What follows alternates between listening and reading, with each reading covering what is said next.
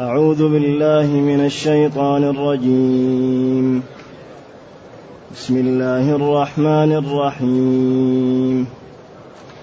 ولا تقولوا لمن يقتل في سبيل الله أموات بل أحياء ولكن لا تشعرون.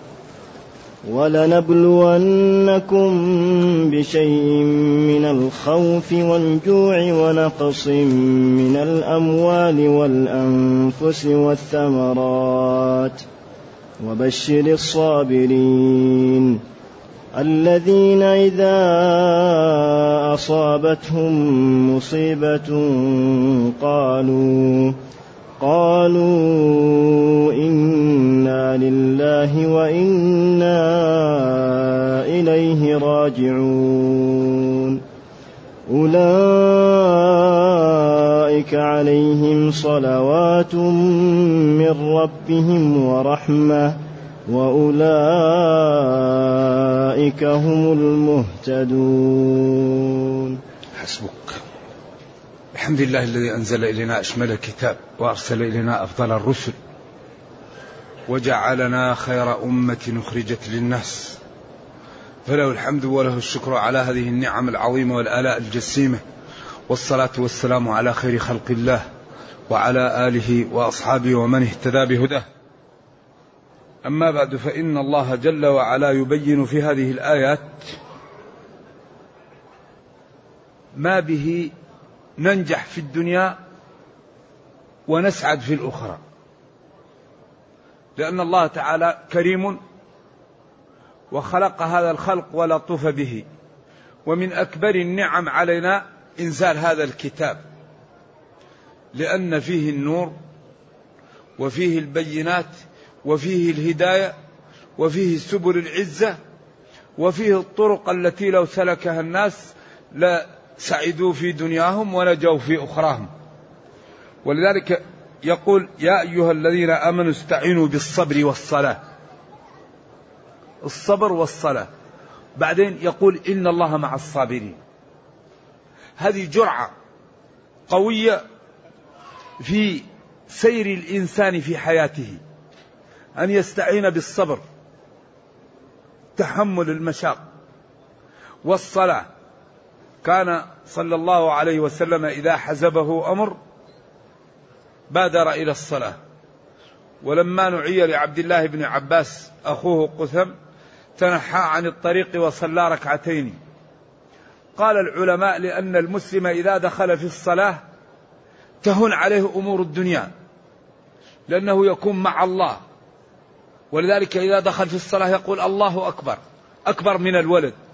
وأكبر من المال وأكبر من الوظيفة وأكبر من الزوجة وأكبر من الطمع في الشهوه المحمدة. الله أكبر. لذلك يعني المسلم إذا دخل في الصلاة تكون سبب في أن تهون عليه الأمور وتسهل عليه. لذلك من أقوى ما يقوي الإيمان الصلاة لكن بشرط أن يؤديها الإنسان كاملة. ثم قال ولا تقولوا ولا لا ناهية. تقولوا من قال يقول تتكلموا. الواو للجماعة تقولوا. هذا أمر لا تقولوا نهي هذا. لا تقولوا. لمن يقتل في سبيل الله. يقتل في إيش؟ سبيل الله. ما هو يقتل ليقال جواد أو ليقال جريء؟ أو ليرى مكانه أو ليأخذ مغنمه. يقتل في سبيل الله. أموات بل أحياء. لأنهم لما ماتوا ناس في بدر قالوا مات فلان ومات فلان. قال لا تقولوا. لا تقولوا لمن يقتل في سبيل الله أموات. لا. هؤلاء أحياء. هم أحياء. لكن حياة برزخية. عند ربهم. عندية إكرامية تشريفية يرزقون رزقا لائقا بهذه الحياة. لأن هذه حياة خاصة ورزقها خاص. ولذلك هنا قد يقول القائل ما هو كل الناس في الجنة وكل الناس والقبر إما حفرة إيش من حفر النار أو روضة من رياض الجنة؟ ما الذي لهؤلاء من المنقبة حتى يقال أحياء؟ قال هؤلاء يعطوا رزق خاص بهذه الصفة من الناس. الذين يقتلون في سبيل الله لهم رزق خاص ولهم كرامة زائدة على غيرهم. ولذلك يقال إنهم يكونون في يعني أرواحهم في حواصل طير خضر أو بيض ترتع من الجنة. لأن الحياة الروحية حياة عجيبة. ولذلك تتشكل في حياة أخرى ليتمتع هؤلاء. وهذا الأسلوب يدل على كرامة هذه الشريحة من المجتمع التي قتلت في سبيل الله. إذا هذا النوع من الناس ينبغي أن تنتبهوا وتعلموا أنه ليس كغيره. لا تقول له أموات بل هم أحياء لكن حياة خاصة بالشهداء كما قال ولا تحسبن الذين قتلوا في سبيل الله أموات بل أحياء عند ربهم يرزقون فرحين بما آتاهم الله من فضله ويستبشرون بالذين لم لم يلحقوا بهم من خلفهم ألا خوف عليهم ولا هم يحزنون يستبشرون بنعمة من الله وفضل. والصحابة سألوا النبي صلى الله عليه وسلم الرجل يقاتل ليرى مكانه الرجل يقاتل للمغنمة الرجل يقاتل حمية قال من قاتل لتكون كلمة الله هي العليا. من قاتل لتكون كلمة الله هي العليا. إذا أمور الدنيا تتمايز بماذا؟ بالنيات. نحن أمورنا تتمايز بالنية إنما الأعمال بالنيات. اثنين في الصف واحد يكتب له الصلاة مئة في المية وواحد يأخذ صفر لأن هذا جاء وصلى لأنه إذا ما صلى يقول هذا ما هو كويس. صلى لي وراء وهذا صلى لله. اثنين في الصف واحد يا شهيد وواحد ما له إلا ما, ما لأنه قاتل لغرض آخر. إذا نحن الذي يحمينا هو التعلم لأن الذي يحمي ويمايز الصفوف التعلم. لذلك الحقيقة آه يعني آه القتل في سبيل الله لا يعدله شيء. وورد أنه ما ترك قوم الجهاد إلا ذلوا. وفي صحيح البخاري من آمن بالله وصلى وصام دخل الجنة. جاهد أما بقي في بلده الذي ولد فيه. قالوا أفلا نبشر الناس؟ قال إن في الجنة مئة درجة أعدها الله للمجاهدين. ما بين الدرجة والدرجة كما بين السماء والأرض. أو كما قال صلوات الله والسلام عليه. وقال من اغبرت قدماه في سبيل الله؟ حرم الله عليه النار. لغدوة أو روحة في سبيل الله خير من الدنيا وما فيها. ولكن لا بد للمسلم أن يفرق بين الجهاد في سبيل الله والجهاد في سبيل ماذا الشيطان أو الهوى. لا بد أن يفرق بين قتال الأعداء وقتال المسلمين. لا بد أن نفرق ونمايز بين الحق والباطل ولا تختلط علينا الأوراق ونجعل الحق باطل والباطل حق ونكون أعمالنا سبب في تنفير الناس عن المسلمين وفي سبب أذية المسلمين. لا بد أن نمايز وقبل أن نقدم على أي شيء نتقن الجهاد ونعرف أحكامه ومتى يكون فرض عين ومتى يكون فرض كفاية ومتى يكون لازما. ومتى يكون في هذا الوقت ليس بلازم ونكون على بصيرة من أمرنا. أول ما نعمل أن نتعلم نعرف الأحكام. ولذلك الله يقول فاعلم أنه لا إله إلا الله. بعدين استغفر لذنبك باب العلم قبل العمل. فأول شيء ينبغي للمسلم أن يعلم ما هو الجهاد. وما هو القتل في سبيل الله؟ ومتى يكون الإنسان مخلصا في عمله؟ ومتى لا يكون مخلصا؟ وقبل أن يقدم يكون على بصيرة من أمره لأن النفس غالية. فينبغي الإنسان أن لا يعطي نفسه إلا في شيء مضمن أنها لله. والمحمدة والشهوة والذكر الحسن. وبعض الناس يكون راسب ويكون ما عنده أعمال. ويقول أنا ماشي أريد الشهادة لا هذا إذا كان هذا قد يكون أحيانا انتحار ما يكون ماشي لدين الله. فلا بد أن تتمايز الصفوف. ما يكون واحد ماشي لأنه فشل ما نجح في دراسته ما عمل شيء ما حصل شيء لا. لا بد أن تتمايز الصفوف. يكون ماشي وهو متفوق وعنده كل خير وليس محتاجا وليس متضايقا وماشي لأجل الدين. ما, ما يمشي هروبا من واقعه لا. ذلك هذا الأمر الذي يمايزه العلم. لا بد من العلم في هذا الجانب. والحقيقة أن الإسلام بين أن بين العبد وبين الله صفقة. فالعبد يعطي لربه نفسه وماله ورب يعطيه الجنة. إن الله اشترى من المؤمنين أنفسهم وأموالهم بأن لهم الجنة. أوفوا بعهدي أوفي بعهدكم. ولذلك الجنة مهرها غالي.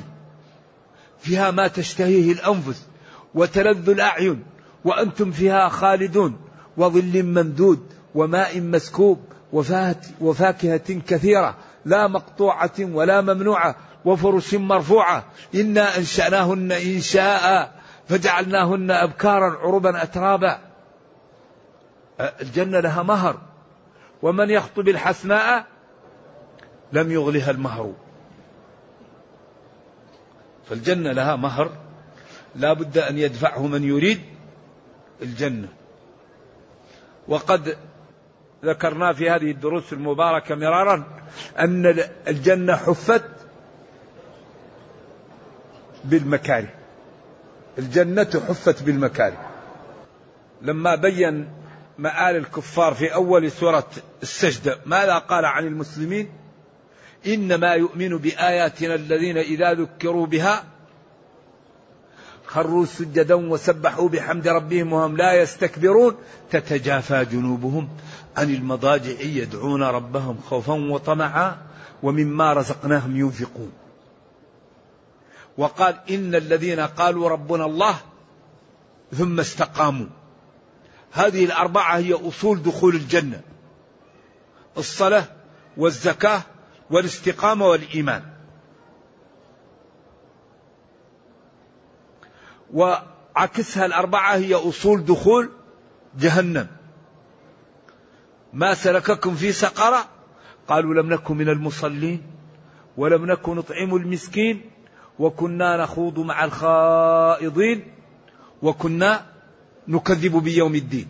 إذا هذه الأربعة أصول دخول جهنم. يقابلها إن الذين قالوا ربنا الله ثم استقاموا. قالوا ربنا الله نكذب بيوم الدين. ثم استقاموا مقابلها نخوض مع الخائضين. ولم نكن نطعم المسكين ومما رزقناهم ينفقون. ولم نكن من المصلين تقابلها تتجافى جنوبهم عن المضاجع. إذا هذه الأربعة أصول دخول الجنة وهذه الأربعة أصول دخول جهنم وأوضح في أول سورة قد أفلح المؤمنون. قد أفلح المؤمنون الذين هم في صلاتهم خاشعون والذين هم عن اللغو معرضون والذين هم للزكاة فاعلون. والله يقول كتاب أنزلناه إليك مبارك مبارك ليدبروا آياته. حري بنا أن نتأمل هذا الكتاب وأن نستخرج ما فيه من الأحكام ومن النور ليكن سببا في رفعتنا في ديننا ورفعتنا في دنيانا وأن يكون سببا في إنقاذنا من يعني الضعف والخذلان والخلاف. لذلك الله يقول انفروا خفافا وثقالا. انفروا خفافا وثقالا. ولكن الآية الأخرى يقول فلولا نفر من كل فرقة منهم طائفة ليتفقهوا في الدين. ويقول في الآية الأخرى وما كان المؤمنون لينفروا كافة هل هذه ناسخة؟ هذه أو هذه ناسخة؟ على كل حال ينبغي للمسلمين أن يفهموا دينهم وأن يعملوا به.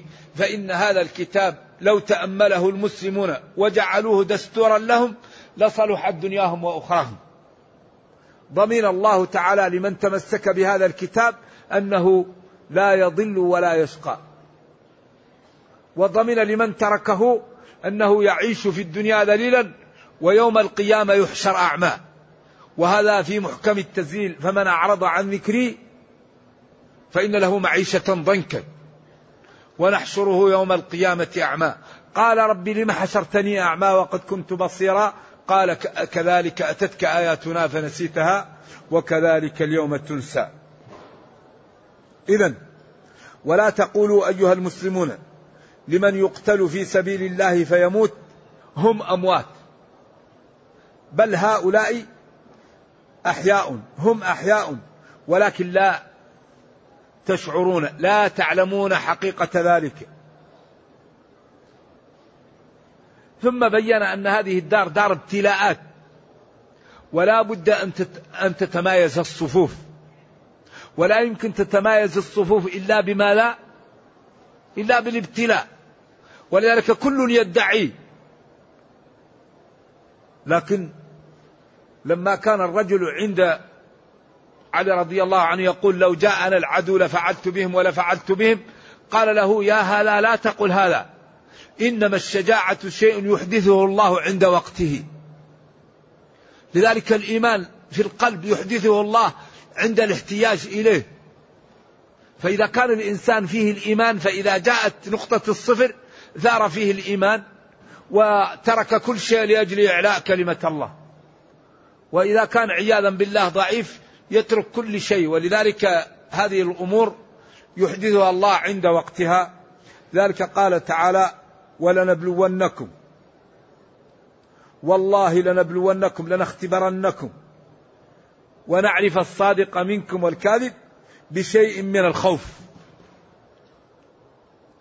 نبلونكم.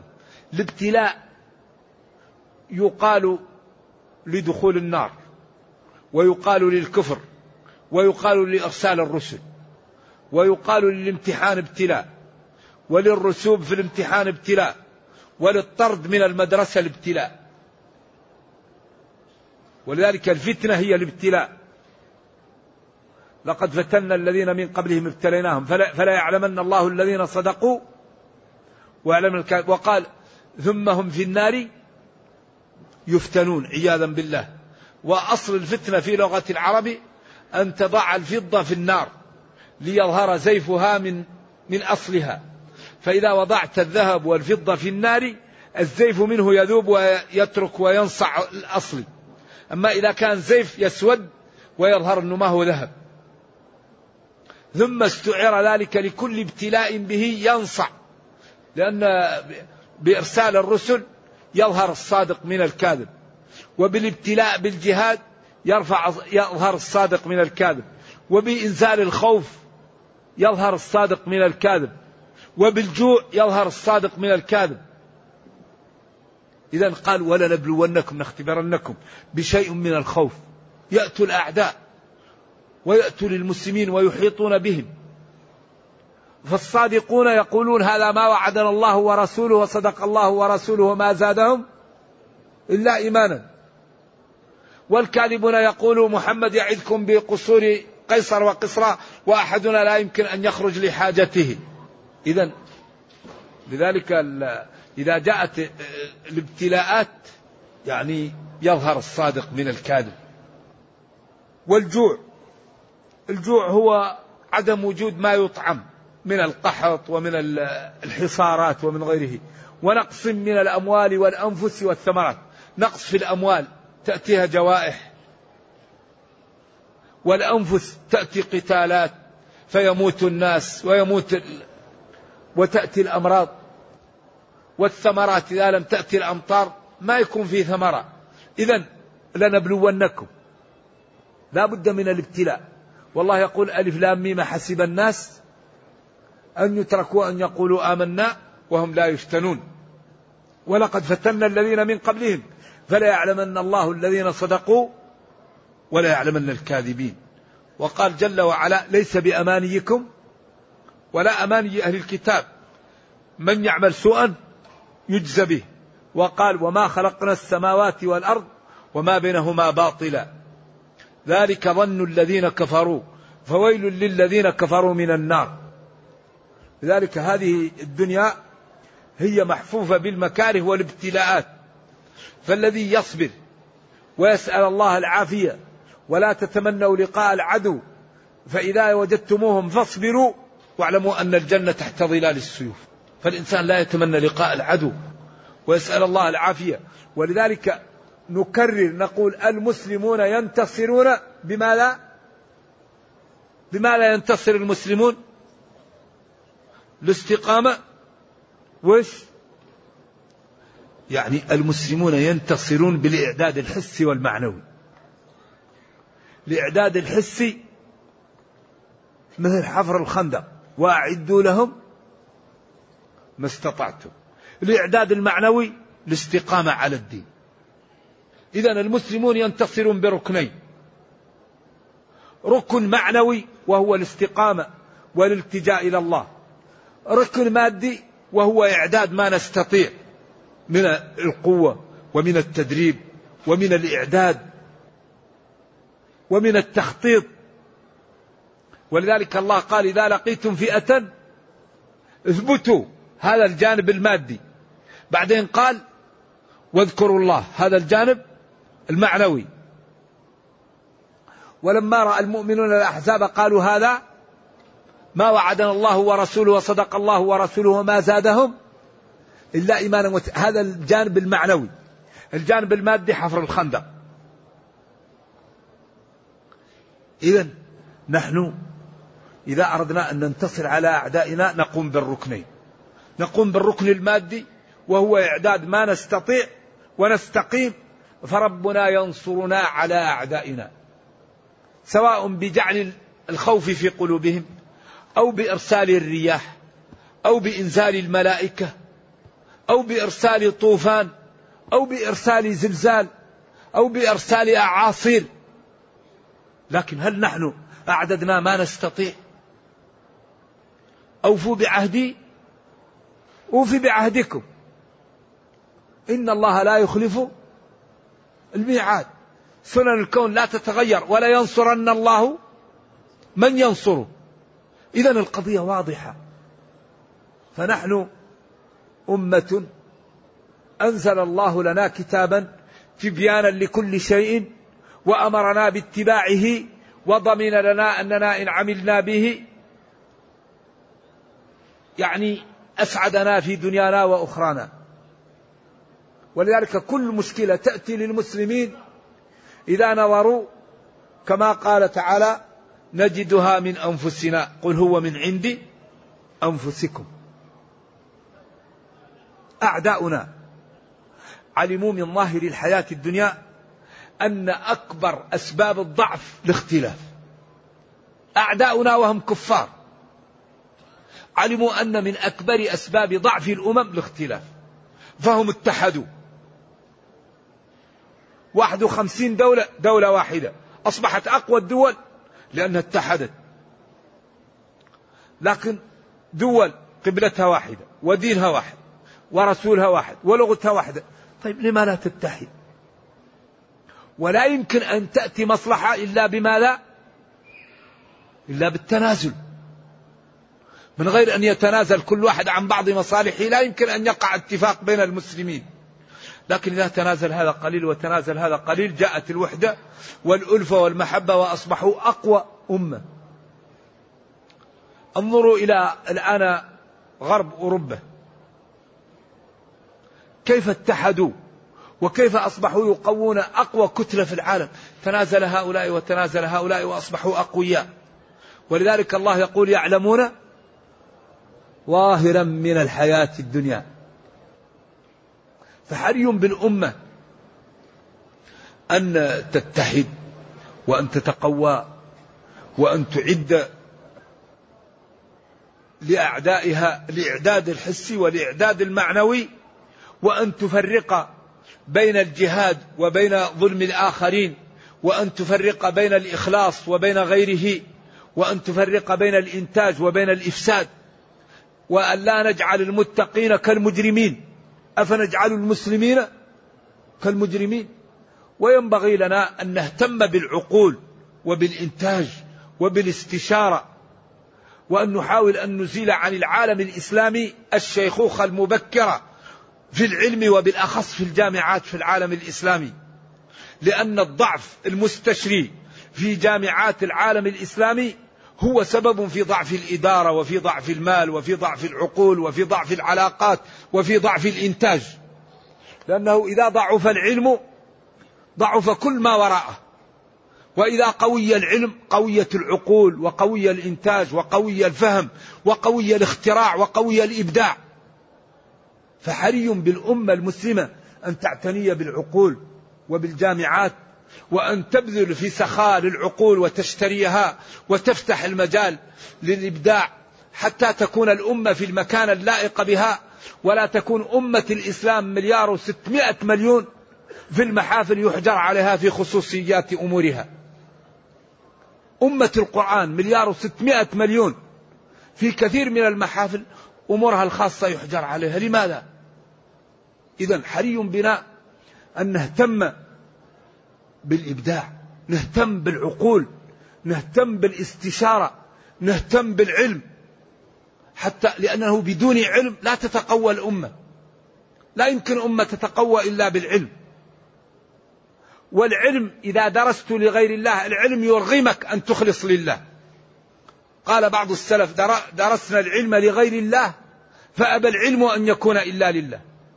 سحرة فرعون سحرة. لكنهم كانوا يجدون السحر فعلموا بالسحر أن العصا وحي من الله. فأصبح إيمانهم بالسحر ومعرفتهم به يسجدون غصبا عنهم. لذلك لما ألقى موسى عصاه فالتهمت حياتهم وحبالهم. فالتهمت حياتهم وحبال وحبالهم اللي هي العصا. قال الله تعالى فألقي السحرة ساجدين. الإيمان في قلوبهم أرغمهم على السجود.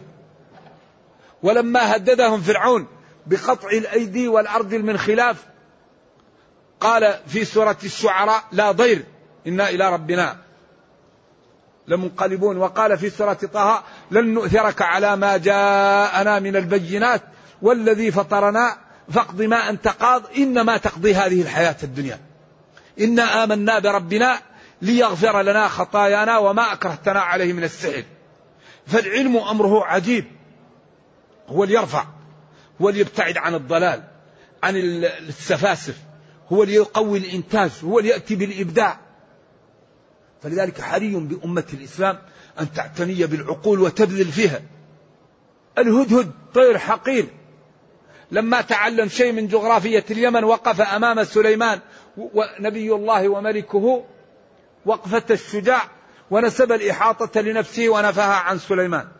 لأنه تعلم شيء من جغرافية اليمن كان نبي الله وملكه يجهله. فقال وتفقد الطير فقال ما لي لا أرى الهدهد أم كان من الغائبين. لو أعذبنه عذابا شديدا أو لأذبحنه أو لأتيني بسلطان مبين. فمكث غير بعيد فقال الهدهد إني أحط بما لم تحط به. إني أحط شوف نسب الإحاطة لنفسه ونفاها عن سليمان. فلم يكن من سليمان إلا أن قال سننظر أصدقت أم كنت من الكاذبين. والكلب أكرمني الله وإياكم إذا علم تؤكل صيدته. وما علمتم من الجوارح مكلبين. إذا الرقي يكون بالعلم.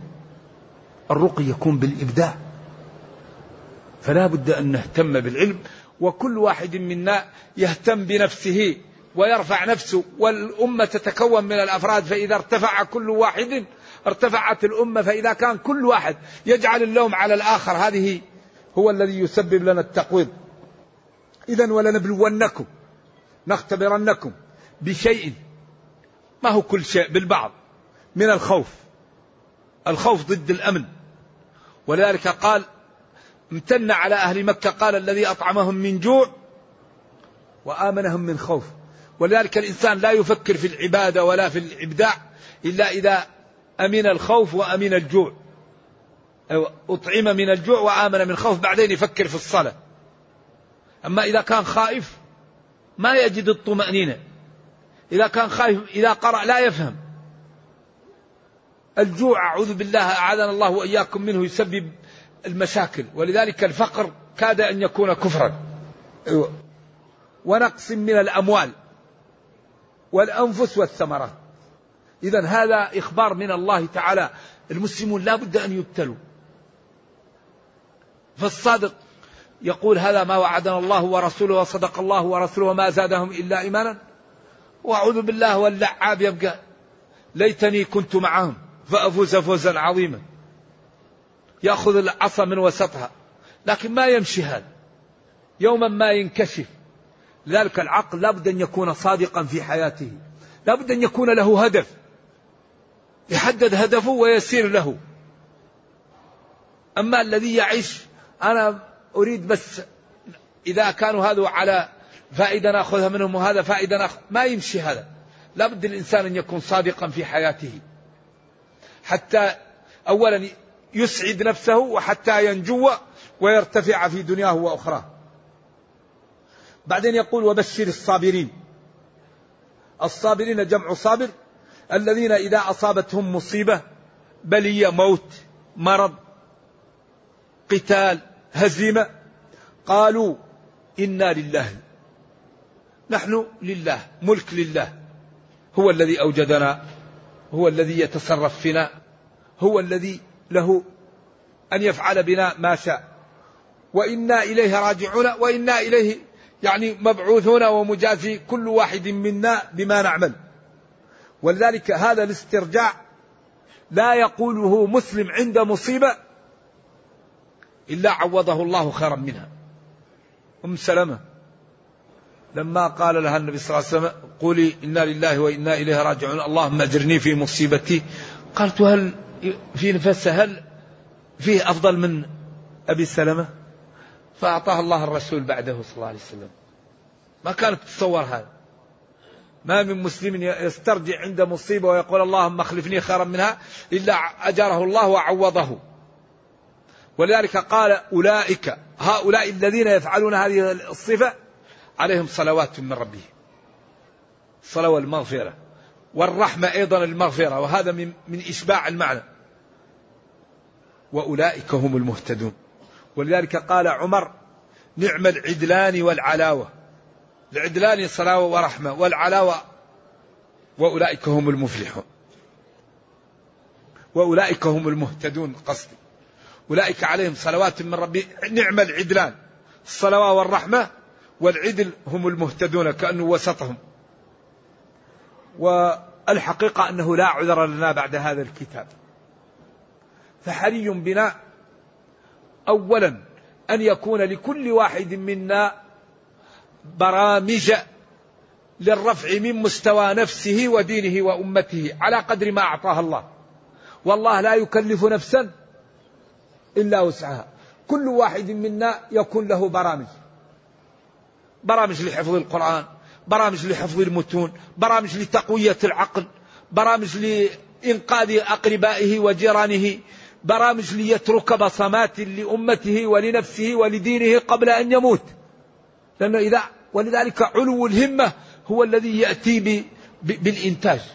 كل واحد منا لا بد أن يكون له و و و ومن أهم ما يقوم به الإنسان أن يهتم بأمر المسلمين اللهم ارفع الإسلام اللهم ارفع المسلمين اللهم قوي شوكتهم اللهم اكفنا شر أعدائنا. على الأقل يدعو للمسلمين ويهتم بأمرهم ويقدم ما يستطيع أن يقدم. أما يكون المسلم يذبح والمسلم يفرح ويبقى يبيت قليل العين هذه مشكلة. كيف في نفوسنا أصبح لا نغار لإخواننا ولا يتقطع أوصالنا ونحن لا نتألم لإخواننا. كيف هذا؟ كيف الطريقة اللي, اللي والمسلم للمسلم إيش؟ كالبنيان. مثل المسلمين في توادهم وتراحمهم وتعاطفهم كمثل الجسد الواحد. ذلك أعداؤنا الآن يريدون أن يقطعوا أوصالنا يشغلوننا أحيانا بلقمة العيش. وأحيانا بالأطباق وأحيانا بالخلاف بيننا. فلان فيه وفلان فيه وفلان قال وفلان قال وأنت تمشي مع من وتدرس على من. وهم يفكرون كيف يسيطرون علينا ونحن نفكر كيف نتكلم على بعض. بعدين ونحن ديننا تبيان لكل شيء. قرآننا معجزة قائمة إلى انتهاء الدنيا. وإنما أوطيته وحيا يتلى فلعلي أن أكون أكثرهم تابعا. كان النبي يعطى ما على مثله يأمن قومه. أما الذي أوتيته قرآنا يتلى. معجزة قائمة وخالدة إلى قيام الساعة. فحري بنا أن نثور هذا القرآن؟ وأن نشيعه بين الناس؟ وأن يكون دستورا للأمة المسلمة؟ فإنها إن عملت القرآن دستورا صلحت دنياها وصلحت أخراها وأعزها هذا الدين وعزت به. وأصبحت كما قال ربنا كنتم خير أمة أخرجت للناس تأمرون بالمعروف وتنهون عن المنكر وتؤمنون بالله. أولئك هؤلاء عليهم صلوات من ربهم ورحمة وأولئك هم المهتدون. نرجو الله جل وعلا أن يهدينا وإياكم وأن يجعلنا جميعا من المتقين إنه خير مسؤول والقادر على ذلك. وصلى الله وسلم وبارك على نبينا محمد. وعلى آله وصحبه والسلام عليكم ورحمة الله وبركاته.